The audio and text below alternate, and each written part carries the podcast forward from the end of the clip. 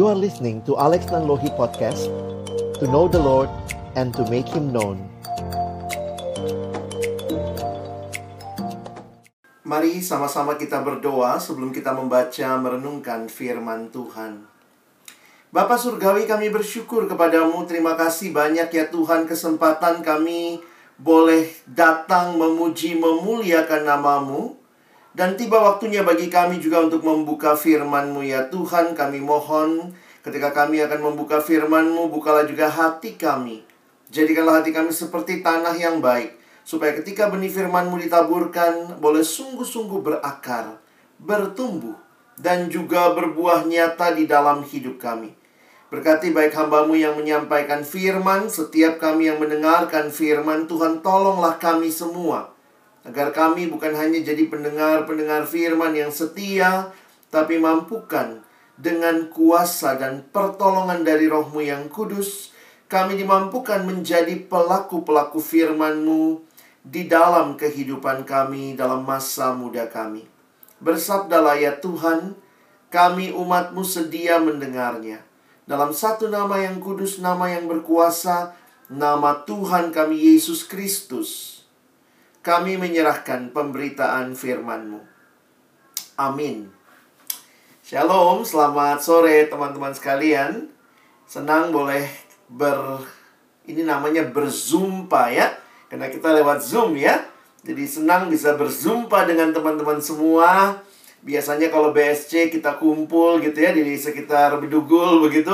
Nah, kali ini kita kumpul di ruang virtual bahkan dari berbagai daerah, berbagai tempat. Saya percaya Tuhan tetap memberikan kesempatan kita terus bertumbuh di dalam Tuhan.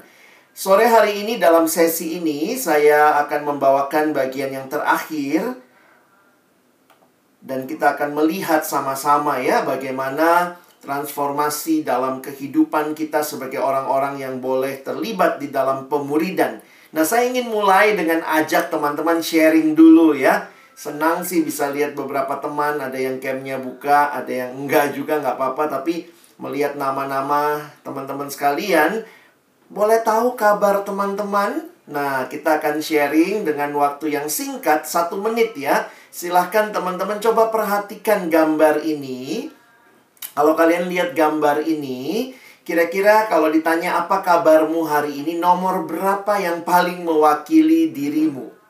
Ya, silakan dilihat gambarnya. Saya nggak tanya kabarmu kemarin, kabarmu besok, kabarmu hari ini.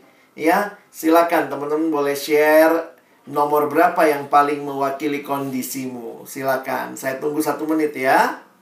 Jadi teman-teman yang dikasihi Tuhan, uh, mungkin saya uh, coba juga tanda kutip ya mengajak kita melihat ya mungkin ada hal-hal yang sudah disampaikan dalam sesi-sesi sebelumnya juga bisa merangkum apa yang disampaikan. Nah, saya mengajak kita sama-sama memikirkan pada sore hari ini kita ada dalam dunia yang bergerak sangat cepat ya. Jadi teman-teman di tengah situasi dunia yang begitu bergerak dengan cepat, salah satu yang kita perhatikan juga adalah kehadiran teknologi. Sebenarnya teknologi itu bukan baru ada sekarang. Mungkin teknologinya sih memang makin lama makin canggih.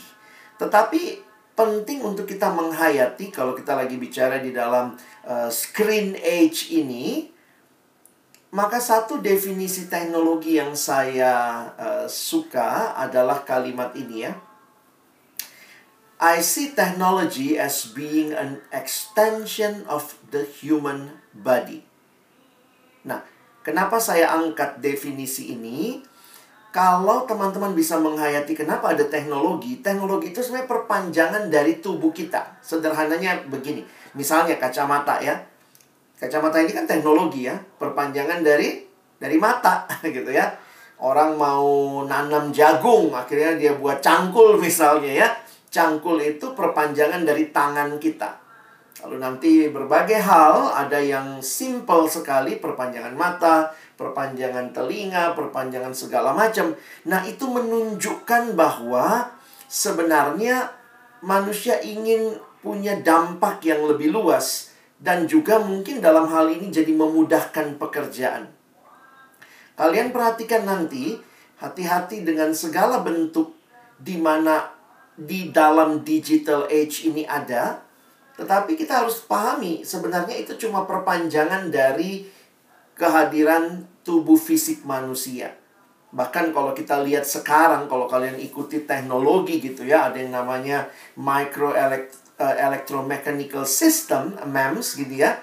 Dia bahkan sedang mempersiapkan teknologi yang bukan hanya organnya ya, maksudnya mata, tangan, tetapi masuk kepada lima indera, ya, termasuk penciuman.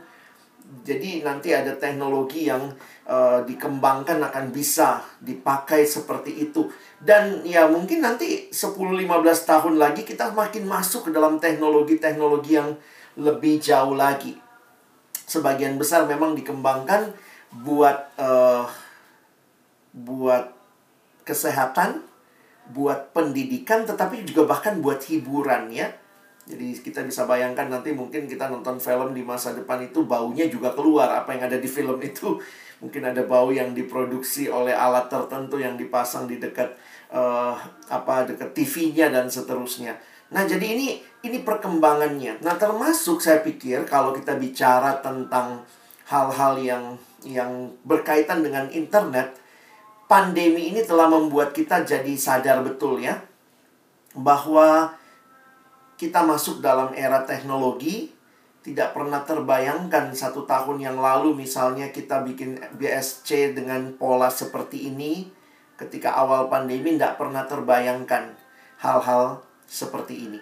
Nah, jadi teman-teman, saya pikir setiap zaman punya tantangannya. Setiap zaman punya perubahannya. Nah, di tengah-tengah situasi seperti itu, sebenarnya apa sih yang bisa kita pelajari dari firman? Ditambah lagi kalau kita lihat ya Alkitab kan diberikan di zamannya dengan tantangan pada masa itu. Nah, saya tetap melihat karena ini adalah firman Allah yang kekal, maka prinsip-prinsip kebenarannya saya pikir perlu bagi kita di generasi ini juga untuk menghayatinya kembali. Saya mengangkat kitab 2 Timotius, kitab yang mungkin sering diangkat kalau bicara pemuridan. Dan konteksnya, kalau teman-teman perhatikan ini adalah di tengah-tengah situasi krisis juga.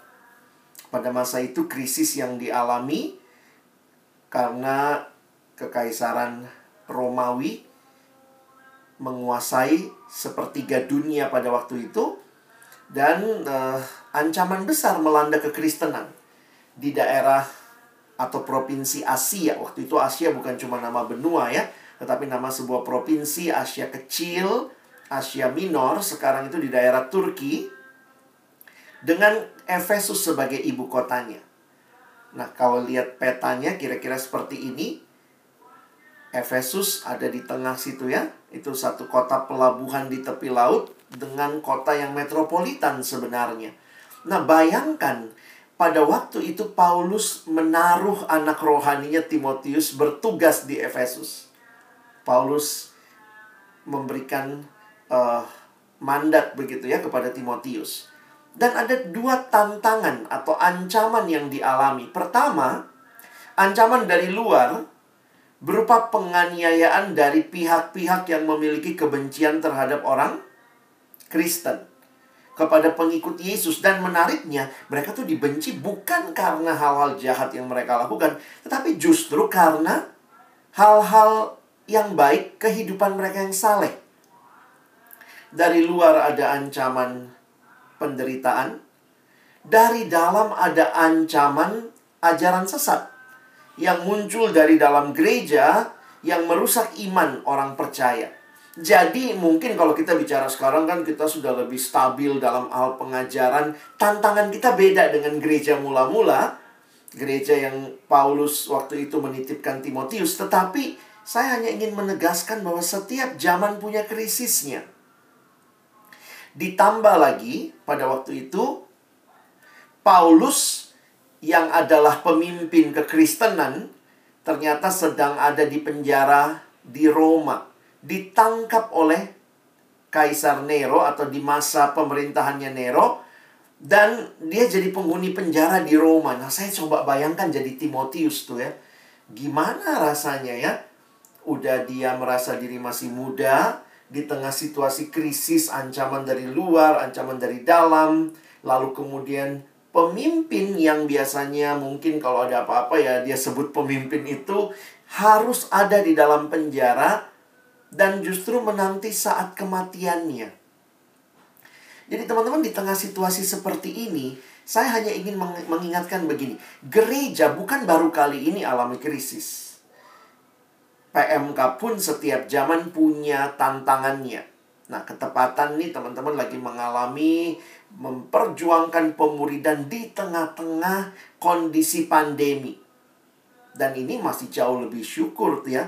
Kita masih punya teknologi yang memungkinkan kita saya bisa membayangkan kalau pemuridan juga menjadi amanat yang Tuhan kasih bagi bagi gerejanya sepanjang zaman. Gimana pemuridan di zaman Jepang ya? Gimana pemuridan di zaman uh, ketika misalnya orang nggak bisa ngumpul ketika terjadi misalnya uh, flu yang kita juga tahu itu melanda dunia waktu itu ada pandemi juga tahun 1920-an begitu setiap generasi punya tantangannya. Jadi nggak ada yang terlalu baru di bawah matahari, kata kita pengkhotbah. Tetapi di tengah-tengah krisis apa pun dan kapan pun terjadi, bagaimana gereja Tuhan, persekutuan harus menghayati kehadirannya. Apa keyakinan yang kita butuh miliki? Di saat semua kampus belajarnya jarak jauh, semua sekolah belajarnya jarak jauh keyakinan kita apa? Kampus boleh tutup gedungnya, sekolah boleh tutup, tetapi Tuhan tidak berhenti bekerja. Sebenarnya banyak hal ajaib yang kita lihat ya. Ketika gereja menjadi terbatas di dalam gedung dan di sebuah tempat, maka kita nggak bisa nggak pernah membayangkan sekarang gereja itu di setiap rumah tangga dengan televisi ataupun dengan HP-nya menjadi screen church gitu ya. Jadi, teman-teman, memang betul gereja tertutup.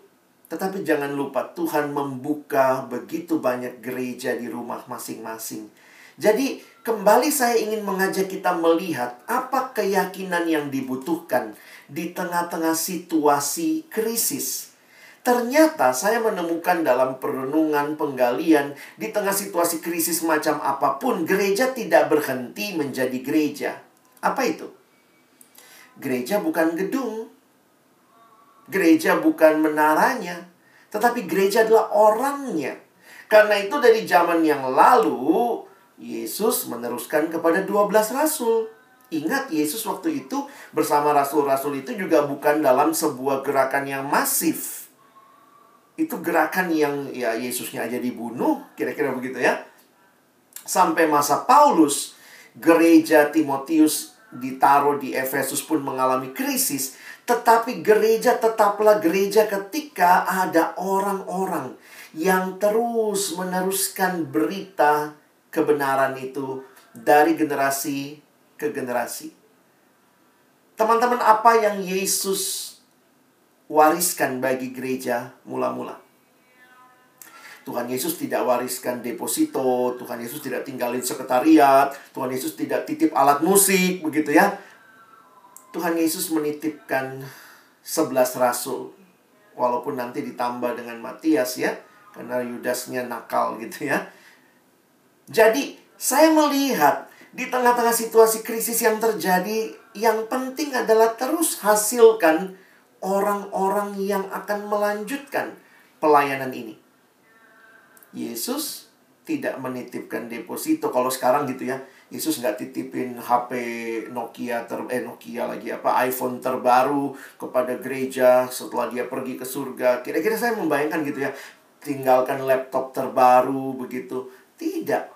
Paulus tidak meninggalkan warisan dalam bentuk gedung kita nggak ditinggalkan juga warisan dalam bentuk misalnya uh, seperangkat alat apa begitu ya. Tetapi yang Paulus dan Yesus tinggalkan adalah murid.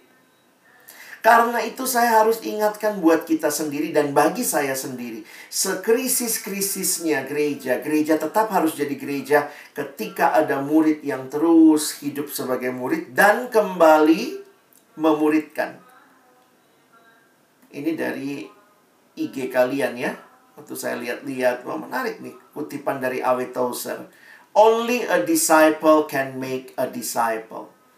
Tentu Tuhan yang berkarya, tetapi Tuhan memakai. Gimana Tuhan membangun gerejanya? Tuhan pakai Paulus membangun seorang Timotius. Kalau Yesus kadang-kadang kita lihatnya, wah Yesus mah Tuhan bang gitu ya, ketinggian lah. Oke, sekarang kita bicara Paulus deh. Tapi Paulus tidak meninggalkan sertifikat tanah, tidak meninggalkan berbagai fasilitas, tapi dia meninggalkan seorang Timotius sebagai kelanjutan dari gereja. Sehingga teman-teman, saya mengajak kita melihat apa pesan yang Paulus sampaikan. Fokus pesannya kepada apa atau siapa. Nah, kita lihat ya, dua ayat saja, 2 Timotius 4 ayat 2 dan 5. Ini ayat yang sering kali menginspirasi saya dalam masa sulit ini. Karena itu saya coba gali, makin digali makin banyak gitu ya. Nah, saya ingin mengajak kita belajar sedikit dari ayat ini. Perhatikan ayat 2 Beritakanlah firman, siap sedialah baik atau tidak baik waktunya. Nyatakanlah apa yang salah, tegurlah dan nasihatilah dengan segala kesabaran dan pengajaran. Saya cuplik ini ya, ayat yang kedua. Nah, perhatikan sekarang saya ke ayat yang kelima. Ayat yang kelima, tetapi kuasailah dirimu dalam segala hal, sabarlah menderita, lakukanlah pekerjaan pemberita Injil dan tunaikanlah tugas pelayananmu. Teman-teman secara sederhana kalau kita lihat saya mengutip kalimat yang uh, muncul sebenarnya dalam bahasa Inggris kalau saudara perhatikan ada di ayat 5 ya. Ada istilah yang muncul pemberita Injil. Saudara di tengah-tengah situasi yang sulit dan krisis, Paulus mengingatkan Timotius akan tugas yang Paulus telah lakukan dan sekarang yang Paulus teruskan kepada Timotius sebagai pemberita Injil. Di dalam bahasa Inggris digunakan istilah heralds of the good news. Saudara, fokusnya bukan kepada fasilitas, bukan kepada segala bentuk fisik, tetapi krisis tambah krisis, fokusnya makin jelas kepada orang. Kadang-kadang gereja sekarang sibuk bangun gedung. Ya, perkantas juga bangun sekretariat mungkin ya. Kita punya tempat, itu bersyukur juga punya tempat, bisa aman, bisa nyaman, bisa kapan pun mau dipakai. Gereja bisa ada tempatnya, tambah AC, perluas lagi, jemaat nambah. Oke, tetapi krisis-krisis yang terjadi membuktikan kepada kita bahwa sekarang gedung gereja kosong ya bahkan orang disuruh pulang gitu ya. Kalau kebaktian pun gantian pakai daftar gitu ya. Kalau onsite dibukanya. Jadi sebenarnya apa sih gereja? Gedungnya AC-nya kursinya? Apa sih perkantas? Apa sih persekutuan kampusmu? Bukan bicara fasilitas.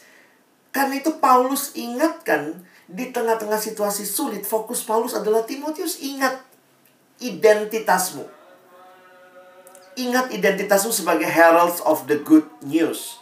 Kalau teman-teman memperhatikan, ini yang tadi saya bilang gitu ya. Di ayat yang kedua, ini semua tugasnya herald of the good news. Preach the word, be prepared, dan seterusnya ya.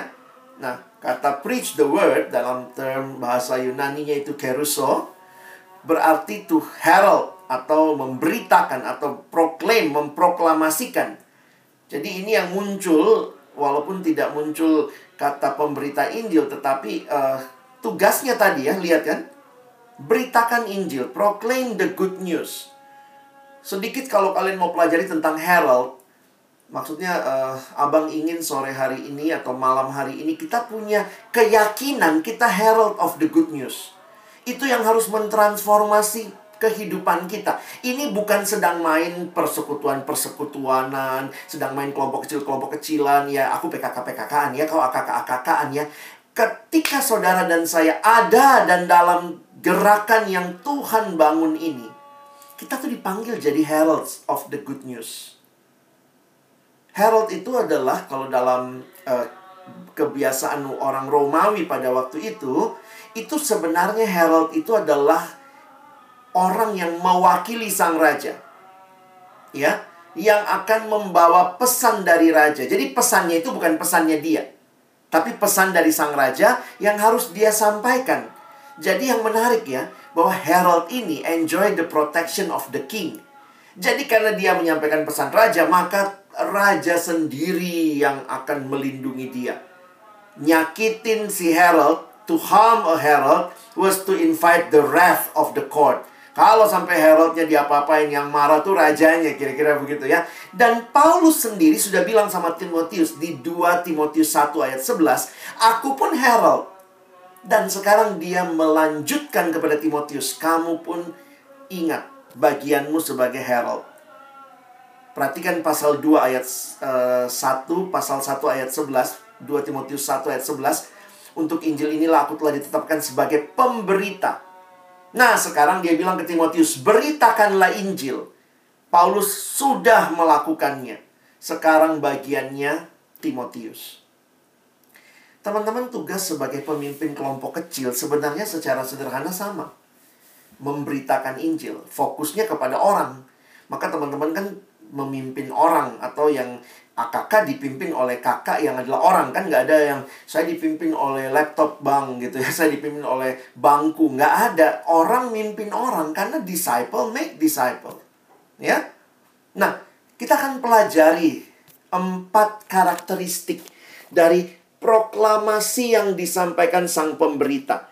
Nah kira-kira kalau kita mau mengevaluasi diri kita kita harus jadi jadi pemberita seperti apa di tengah krisis. Coba perhatikan ayat-ayat ini.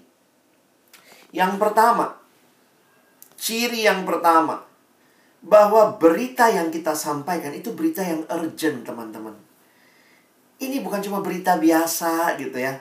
Eh, ada selo, ayo datang ke mall, ada jualan, eh ada kuliner baru di Bali, ada di Denpasar, eh ada apa di Singaraja. Bukan semata-mata berita-berita menyenangkan. Tetapi pemberita itu sadar bahwa yang dia sedang sampaikan, yang dia sedang teruskan adalah sebuah berita yang urgent. Karena itu perhatikan ya, saking urgentnya, kata yang dipakai, saya maaf saya kutip bahasa Inggrisnya, kalian bisa lihat bahasa Indonesia-nya ya. Siap sedialah, baik atau tidak baik, waktunya. Be prepared in, in, in season and out of season memang dalam ayat ini seolah-olah ada kesan kok kayaknya penting banget harus diberitakan karena berita ini menyangkut kehidupan kekal seseorang. Ini berita yang urgent, teman-teman. Kalau kita telah menikmati berita sukacita di kelompok kecil, di pembinaan, di persekutuan, di camp, kita terima Yesus, maka ini bukan sekadar wah saya jadi nikmati Yesus dalam hidup saya tapi kemudian siap sedialah baik atau tidak baik waktunya. Jangan kehilangan sense of urgency. Kadang-kadang kalau saya menghayati ini kadang nggak mudah ya. Kalau nggak kelompok kecil minggu ini, kan masih ada minggu depan, Bang. Kalau nggak kelompok kecil minggu depan, kan masih ada minggu depannya lagi. Mana tahu ini hari terakhirmu kelompok kecil gitu ya. Jadi itu punya sense of urgency. Tahu Tuhan waktunya tidak banyak. Orang muda meninggal, Pastor Raditya Oloan barusan juga dengar ada orang tua meninggal, pendeta Dr. Saina Baban. Orang-orang itu ya hidup itu nggak ada yang tahu ya. Tapi di sinilah saudara dan saya dipanggil untuk melihat urgensinya berita Injil itu. Dan ingat, kamu pemberitanya. Kamu punya nggak sense of urgency seperti ini? Dan juga secara tidak langsung ini adalah hal untuk melawan kemalasan ya. Ayo siap sedia. Jangan uh, beberapa orang yang CPKK tuh males juga jadi PKK ya. Aduh kak, nanti kalau jadi PKK bakal begini, bakal begini. Ayo siap gitu ya. Be prepared. Jangan malas, ya. Ini waktunya. Oke, yang kedua. Ini adalah proklamasi yang relevan. Berita Injil itu berita yang relevan, yang perlu didengar. Tapi ini bukan cuma berita biasa, tapi relevan dengan berbagai kebutuhan kita. Perhatikan ayatnya. Kembali lagi, kita hanya di ayat 2 ya. Perhatikan kata correct, rebuke, and encourage. Memang berita Injilnya satu, tetapi sebagaimana di 2 Timotius 3 ayat 16 dikatakan, segala tulisan yang diilhamkan Allah memang bermanfaat untuk mengajar, menyatakan kesalahan, memperbaiki kelakuan, dan untuk mendidik orang dalam kebenaran. Maka perhatikan, ketika engkau dan saya membawa berita itu, mungkin ada yang hidupnya lagi nggak beres. Firman itu akan mengoreksi hidupnya, correct. Kalau dia mungkin tidak punya ajaran yang benar, ya dia dikoreksi. Kalau dia sedang hidup dalam dosa, dia di rebuke, ya. Dia dihajar atau ditegur dengan firman dan kalau dia sedang dalam kondisi lesu, lemah, maka firman itu memberikan peneguhan. Jadi teman-teman, saya makin sadar ya bahwa firman Tuhan itulah jawaban. Kadang-kadang memang sebagai pemimpin kelompok atau juga anggota kelompok kita kadang merasa gitu ya ngapain sih nanti kalau kita sampaikan ini belum tentu jadi kebutuhan orang ini. Tapi waktu saya mempelajari Alkitab, saya makin melihat benar loh Alkitab firman memang bermanfaat untuk mengajar, menyatakan kesalahan, memperbaiki, memperbaiki kelakuan. Dan perhatikan, engkau ada di dalam generasi ini, engkau perlu kenal firman dan juga perlu kenal generasi. Ya, saya pikir jangan cuma kenal firman juga kalian perlu kenal generasi untuk menyampaikan nih koreksi, teguran, penguatan gitu ya. Saya nulisnya gini. Nah ini mudah-mudahan kalian udah bahas di sesi-sesi sebelumnya ya. Pemahaman dan pengenalan yang dalam akan generasi menentukan bagaimana melayani mereka. Baik itu kontennya, kontennya sih nggak berubah firmannya, konteksnya, dan kontainernya. Ya ada yang nanya, kenapa abang pada main medsos? Saya bilang saya masih melayani orang muda ya.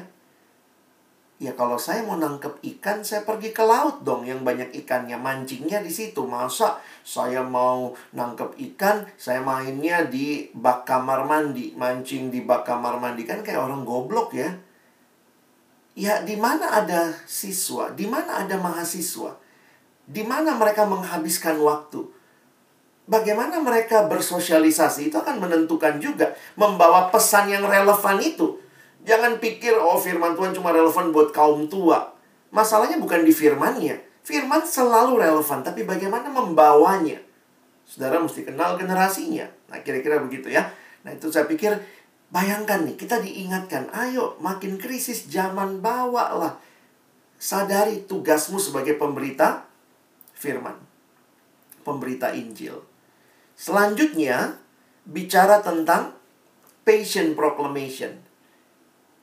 Teman-teman, kalau kita lihat yang pertama ya sangat urgent. Tiba-tiba di sini dibilang sabar. Lucu ya. Kayaknya yang pertama mendesak banget, tapi di sini Mbok ya sabar, ya patient proclamation. Perhatikan bahasa Inggrisnya, bukan cuma patience, tetapi with great patience. Makanya kenapa saya pakai bahasa Inggris? Bahasa Indonesia-nya nggak terlalu kelihatan, cuman kalimatnya dengan segala kesabaran. Tetapi Paulus mengingatkan kita Memang ini berita mendesak harus didengar. Berita yang relevan. Tetapi untuk membawanya butuh kesabaran. Teman-teman lihat hidup orang berubah tuh nggak gampang, nggak mudah, nggak cepat. Bener nggak?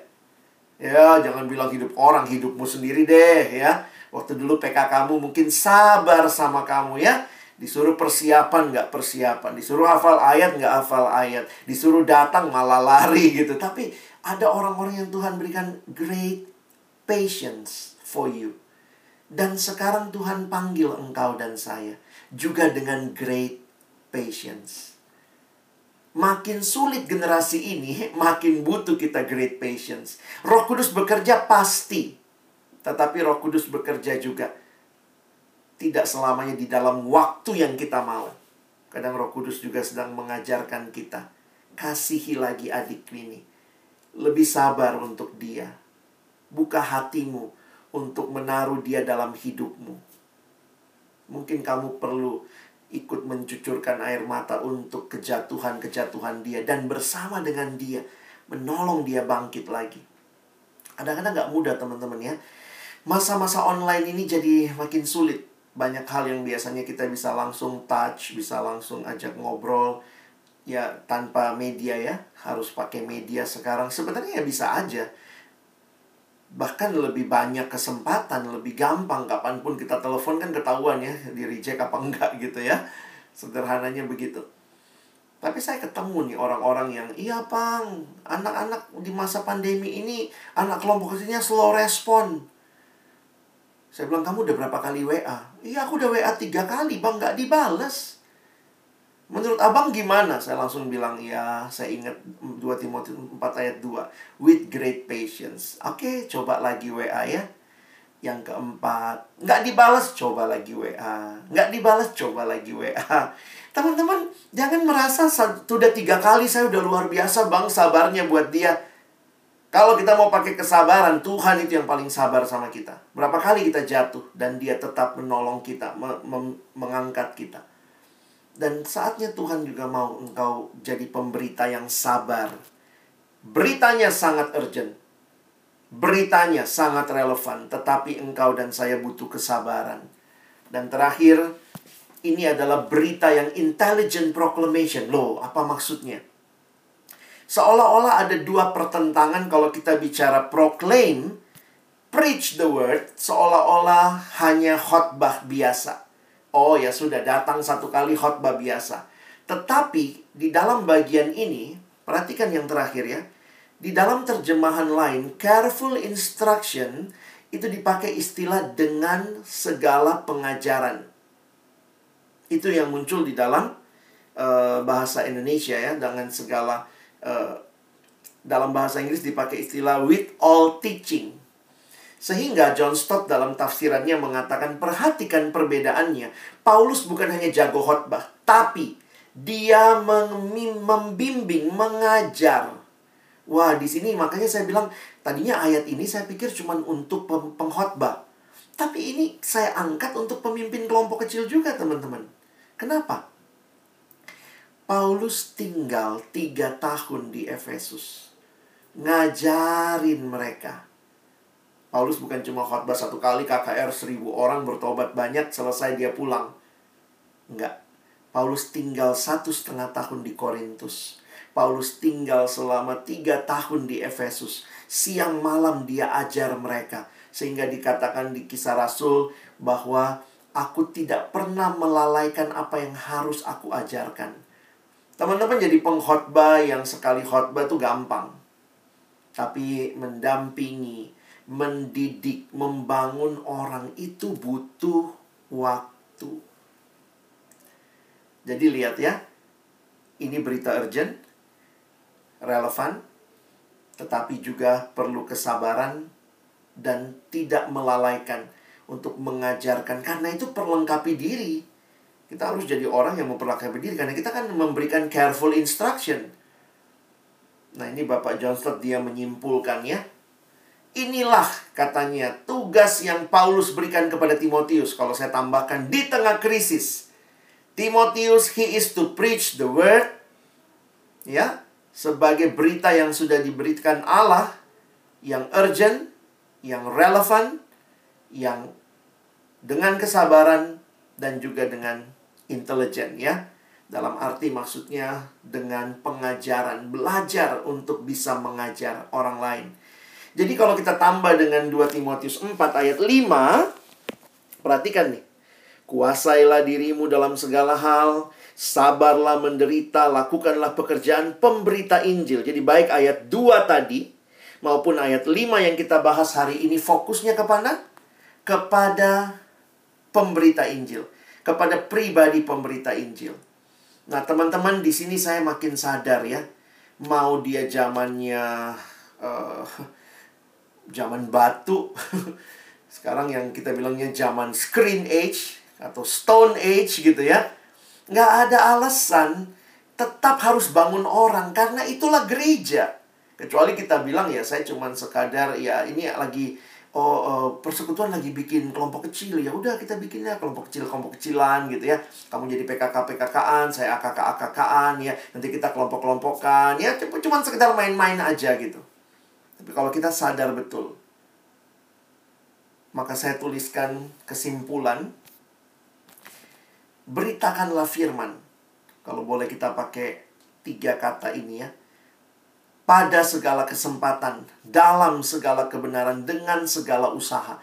Dan Paulus bukan hanya menteorikan ini. Ingat, ini surat 2 Timotius, surat akhir. Di akhir hidupnya. Paulus sendiri sudah alami. Paulus berkali-kali masuk penjara. Tetapi dari dalam penjara sekali lagi, surat-surat yang indah keluar untuk orang-orang yang dia muridkan. Untuk jemaat, ada juga untuk pribadi. Contohnya Timotius, contohnya Titus. Saya melihat teman-teman betapa pentingnya kesadaran diri sebagai pemberita Injil untuk bertahan di dalam situasi apa pun, krisis apa pun. Karena kalau engkau tidak tahu panggilanmu sebagai pemberita Injil, tidak mengerti betapa pentingnya berita itu, maka kita nggak akan pernah mau berjuang. Mau dia lagi online kek, mau dia lagi offline kek, males-males aja.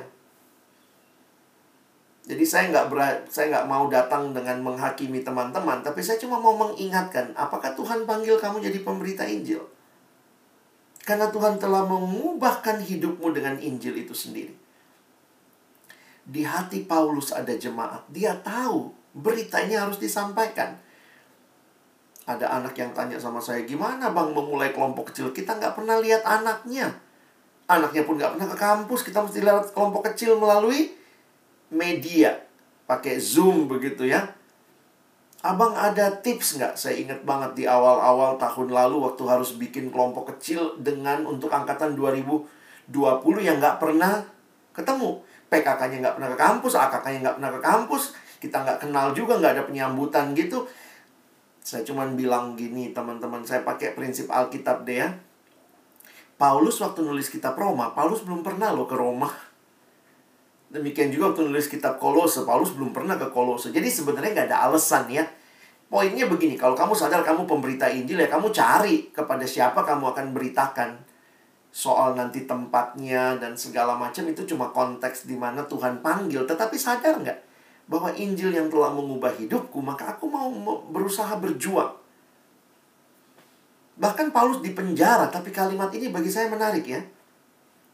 2 Timotius 2 ayat 9, karena pemberitaan Injil inilah aku menderita, malah dibelenggu seperti seorang penjahat, tetapi firman Allah tidak terbelenggu. Kenapa Paulus pakai kata belenggu? Beberapa penafsir mengatakan mungkin sekali Paulus pun dibelenggu, dirantai pada waktu itu. Sebagai penjahat yang dianggap penjahat sangat penting gitu ya, maka dia dijaga sangat ketat. Tapi waktu lihat ayat ini, wow. Paulus membandingkan firman Allah dengan belenggunya. Dia bilang, aku boleh dibelenggu, tapi firman Allah tidak terbelenggu. Karena itu kalimat kesimpulan ini bagi saya jadi menarik ya.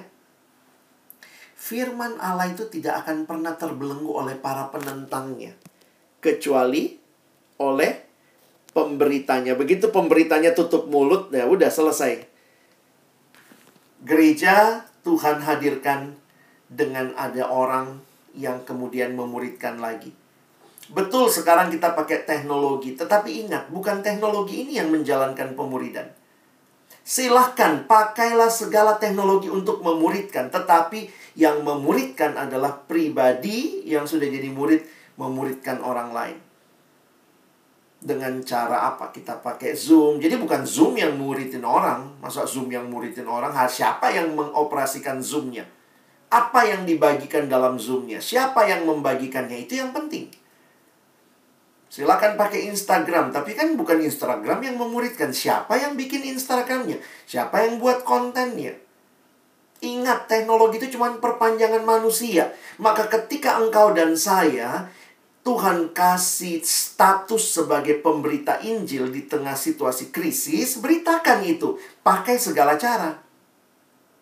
Tapi itu tidak akan pernah berjalan kalau kita sendiri nggak sadar.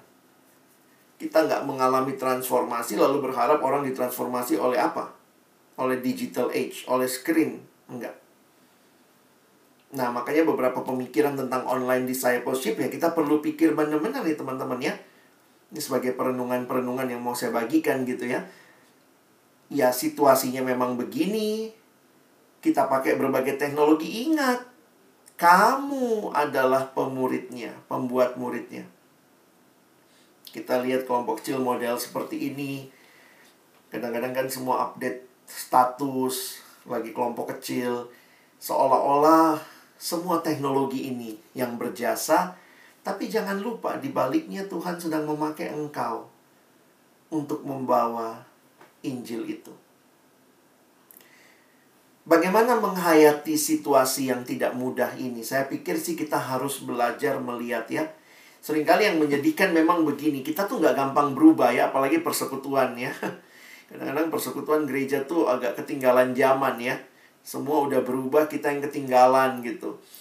Uh, saya agak takut sih. Termasuk di pelayanan kita. Kita mengevaluasi pelayanan sebelum pandemi dan saat, saat pandemi dengan cara yang sama. Jadi kan lucu juga ya. Bagaimana pandemi ini mengubah banyak hal ya kita harus menyesuaikan. Karena kalau kita evaluasi jujur aja ya ketika terjadi evaluasi itu hasilnya rata-rata apa? Kelompok kecil menurun, sedih banget, nggak ini. Wah itu kadang-kadang menekan ya buat kami para staff juga tertekan juga gitu ya. Ini salah siapa? Siapa yang nggak bergerak? Tapi saya coba berpikir jangan-jangan memang dalam situasi ini Tuhan kayak sedang mengizinkan. Lihat nih, apa yang lebih penting? Apa yang paling penting? Mungkin yang paling penting bukan kita rapatin uh, ininya ya. Mungkin yang lebih penting buat kita ya duduk diam berdoa. Pikir sama-sama apa yang harus dilakukan. Saya ingat ada satu doa yang namanya Serenity Prayer, bagus juga ya. Serenity Prayer ini doanya dalam bahasa Indonesia kira-kira begini. Tuhan, berikan aku keberanian untuk merubah hal-hal yang aku bisa ubah. Kalau kita doanya dalam komunitas, berikan kami keberanian untuk merubah hal-hal yang kami bisa ubah. Berikan kami keikhlasan untuk menerima hal-hal yang tidak bisa kami ubah. Dan berikan kami hikmat untuk membedakan keduanya. Itu yang lebih penting ya. Kalau bisa diubah, ayo ubah. Kalau nggak bisa diubah, ya terima ikhlas Katanya dalam hidup itu ada kurang lebih 10 hal yang nggak bisa diubah. Contohnya apa? Uh, jenis kelamin. Walaupun orang bilang kan bisa operasi bang. Maksudnya Tuhan kasih begitu ya begitu gitu ya. Jenis kelamin. Jadi kamu nggak mungkin ya. Saya nggak suka jadi cowok. Doa, doa, doa puasa. Tiga hari doa puasa mau jadi cewek, mau jadi cewek. Begitu amin lihat ke bawah. Eh masih cowok gitu ya itu kan nggak bisa diubah maksudnya ya mau pakai doa kek mau pakai apa ya poinnya adalah itu yang Tuhan kasih jadi yang nggak bisa diubah ya diterima belajar menerima yang nggak bisa diubah apalagi keluarga kita. Kita nggak pernah milih kan? Orang tua kita siapa? Ada yang pernah pesan saya mau dong jadi anaknya ratu Inggris. Keluarnya eh ratu Depok misalnya gitu ya jauh banget. Jadi itu nggak bisa diubah. Urutan lahir itu juga yang ketiga. Nanti kalian bisa cek ada sekitar 10 hal tuh nggak bisa diubah. Golongan darah itu nggak bisa diubah. Tetapi yang bisa diubah apa? Yang bisa diubah temperamen bisa. Ya maksudnya uh, kayak karakter ya harus dibangun nggak bisa bilang gini saya memang pemarah mau apa saya memang pemarah kadang-kadang kita tuh bodohnya begitu hal yang bisa diubah kita bilang nggak bisa diubah hal yang nggak bisa diubah kita pikir bisa diubah Nah, saya lagi berpikir doa seperti ini untuk konteks pandemi ini loh. Coba pikir-pikir ya. Waktu bikin evaluasi, bisa nggak kita ubah nih? Karena ini udah nggak pas nih mengevaluasi pakai cara yang lama, evaluasi yang sekarang. Yang situasinya nggak apple to apple. Yang memang bisa diubah, ubah. Kalau memang nggak bisa diubah. Misalnya ganti, kelompok kecil nggak pakai Alkitab lagi. Pakainya buku apa misalnya gitu ya. Nggak pakai Alkitab, tapi pakainya buku wayang misalnya ya itu nggak mungkin jangan diubah tetapi kayak pola pendekatan bahan yang digunakan yang bukan Alkitab ya. Mungkin kita harus bisa lebih bermain cantik dengan bahan. Mungkin kadang-kadang pakai video. Bukan cuman MHB-nya atau buku kelompok kecilnya di apa? Sekarang screen capture dikirim begitu ya. Anaknya juga mau baca ya elah, ini kakak ini nggak ada ininya banget ya, nggak ada usahanya banget gitu. Jadi saya lagi berpikir Tuhan tolong kami tahu apa yang bisa diubah, apa yang prinsip, dan sebenarnya hikmat untuk bisa membedakan. Supaya kita nggak berantem juga. Kadang-kadang perlu duduk sama-sama. Saya waktu mikir-mikir apa sih yang terjadi dengan sekarang ini ya. Tuhan apa sih yang bisa berubah? Apa sih yang dibawa oleh teknologi misalnya? Pemuridan apa sih dampaknya? Saya mesti mikir juga nih. Mungkin pertemuan seminggu sekali yang sulit itu tidak bisa jadi ukuran, tetapi mungkin kita bisa juga berjuang untuk kontak. Karena saya lihat gini teman-teman ya, pemuridan dulu kan seminggu sekali datang, kelompok kecil, pulang, nggak ketemu seminggu, nanti datang lagi, ketemu lagi gitu ya. Tapi kan logikanya sekarang itu pemuridan bisa dari setiap minggu jadi tiap hari. Ya, tentu nggak tiap hari masuk bahan, tiap hari nyanyi atau apa. Tetapi ketika kita kontak dengan adik-adik kita melalui WA, Pagi-pagi kita lihat statusnya mungkin, kita saling mengomentari, kita ingatkan, jangan lupa saat teduh. Sehingga pemuridan tuh jadi dengan teknologi ini jadi lebih apa ya? Murid itu adalah gaya hidup ketimbang sebuah jangan sampai kayak kita kayak les MHB gitu ya. Minggu depan datang lagi les bab 2. Hmm, datang lagi minggu depan les bab 3 gitu ya. Jadi akhirnya orang melihat kelompok kecil pun cuma seperti les MHB, les Alkitab. Tapi teknologi ini menolong loh, kita bisa bikin ini menjadi sesuatu yang lebih uh, apa ya? Kuri kalau anak-anak uh, undiksa ngerti kali ya mungkin pendidikan yang kurikulumnya itu everyday. Kita nggak belajarnya hanya di kelas gitu ya. Jadi penting. Lalu ya tentu prinsip-prinsip seperti uh, bagi saya saya makin sadar juga Syukur juga Tuhan kasih hal ini ya. Karena jangan-jangan kita mulai sombong nih. Kita rasa saya bisa ubah adik kelompok kecil saya. Tapi waktu nggak bisa ketemu, kamu nggak bisa ngapa-ngapain. Tahu-tahu dia pulang kampung. Wih, kampungnya kampung banget. Sinyal nggak ada. Barulah kita sadar, iya ya. Pemuridan yang penting itu doa, teman-teman. Paulus di penjara.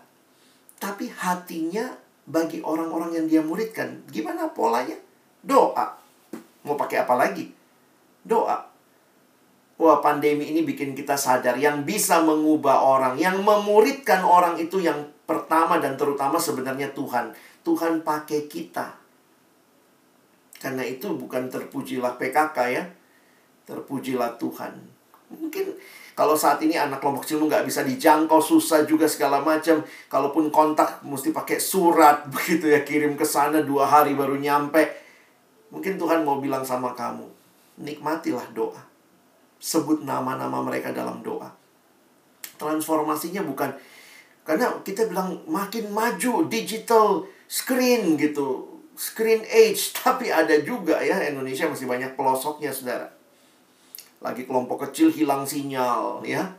Kadang-kadang lebih banyak emosinya. Kadang-kadang saya pikir ya sudahlah berhenti dulu, doa sebentar.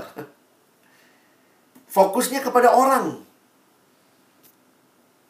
ketika semua terjadi ya kita akan lihat ya bukan bukan programnya tetapi pribadi-pribadinya. Silakan gunakan berbagai media yang ada. Usahakan supaya ada engagement. Engagement itu keterlibatan yang utuh.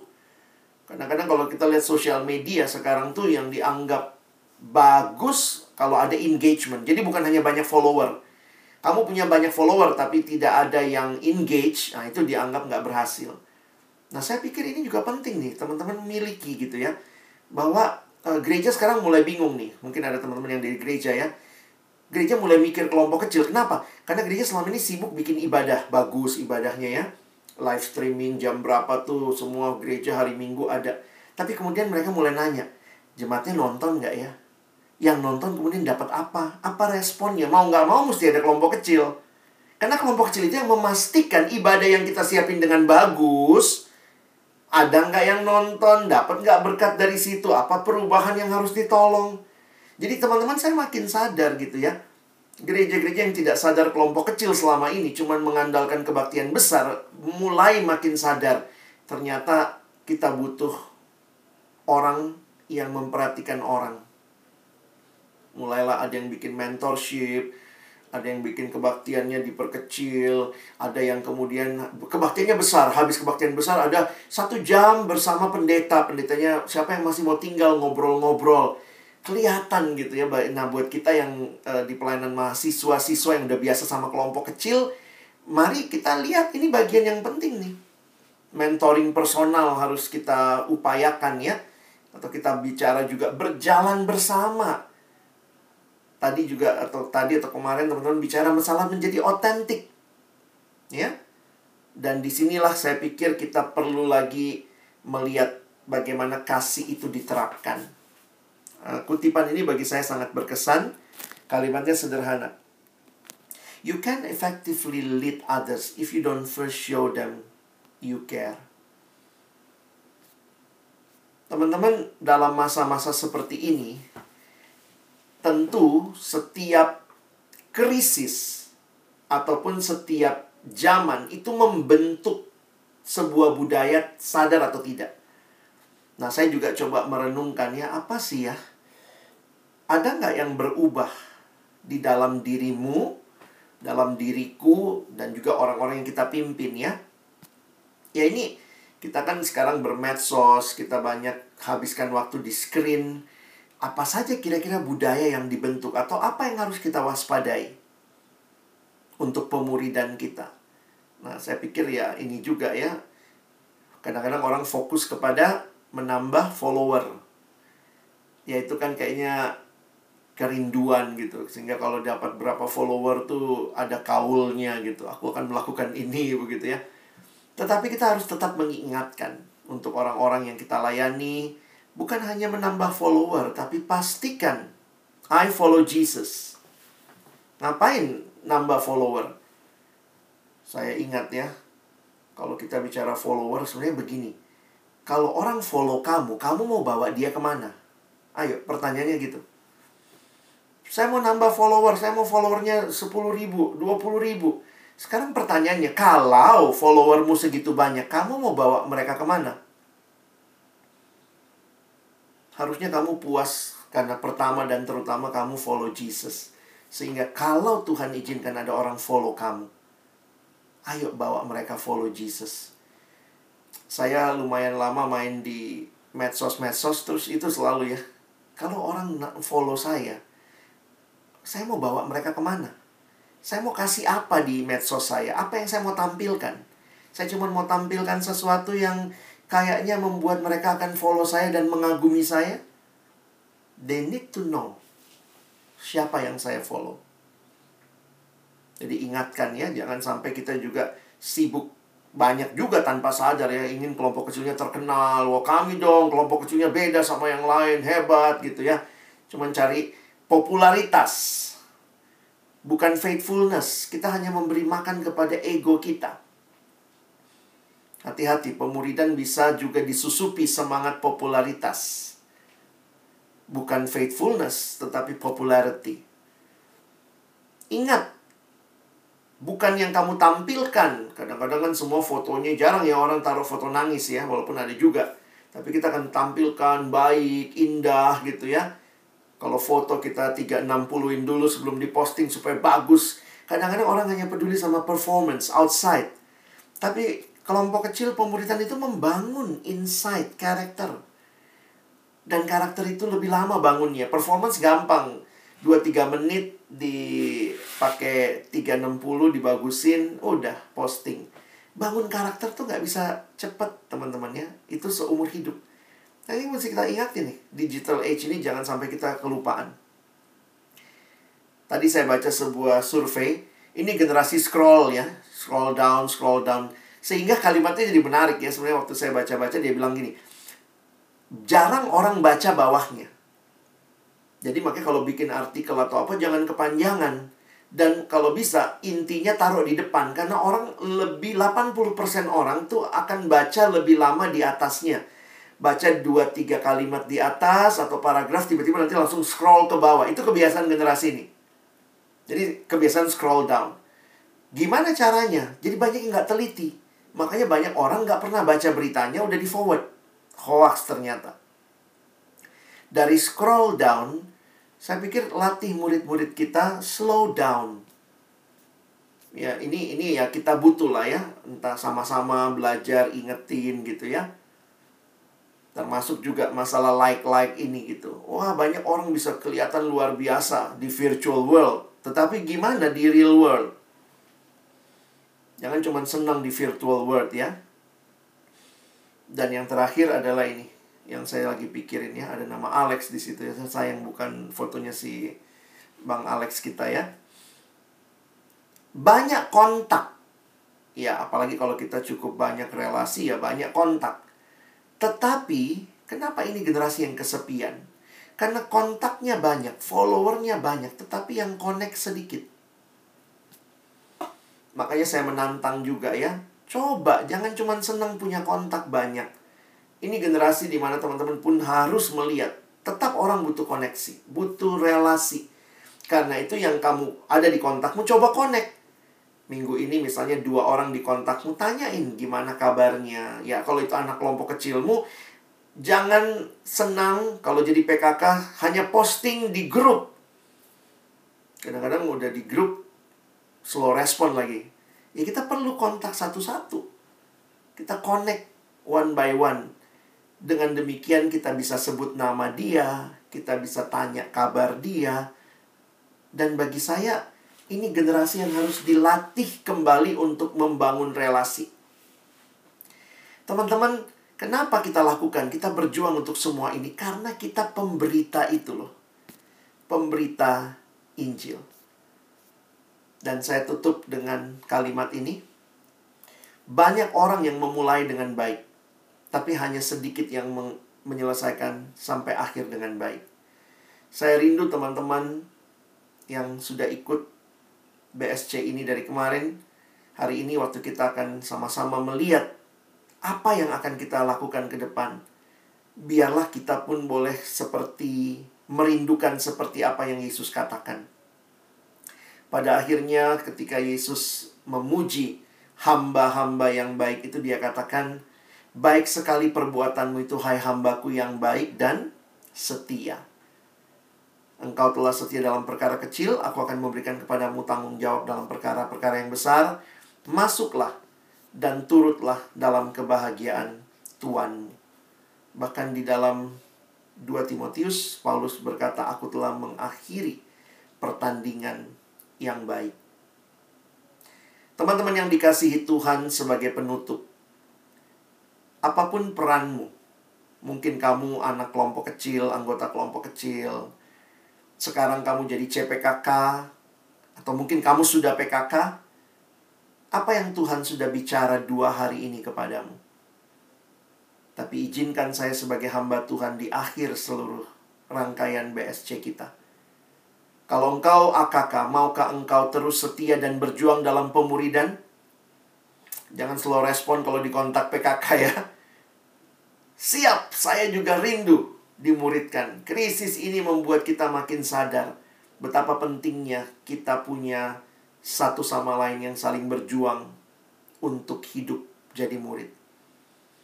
Teman-teman yang CPKK mungkin lagi ketakutan, ah kejebak ikut BSC, mesti mimpin deh. Ini bukan sekedar jebakan ya, tapi sadarilah.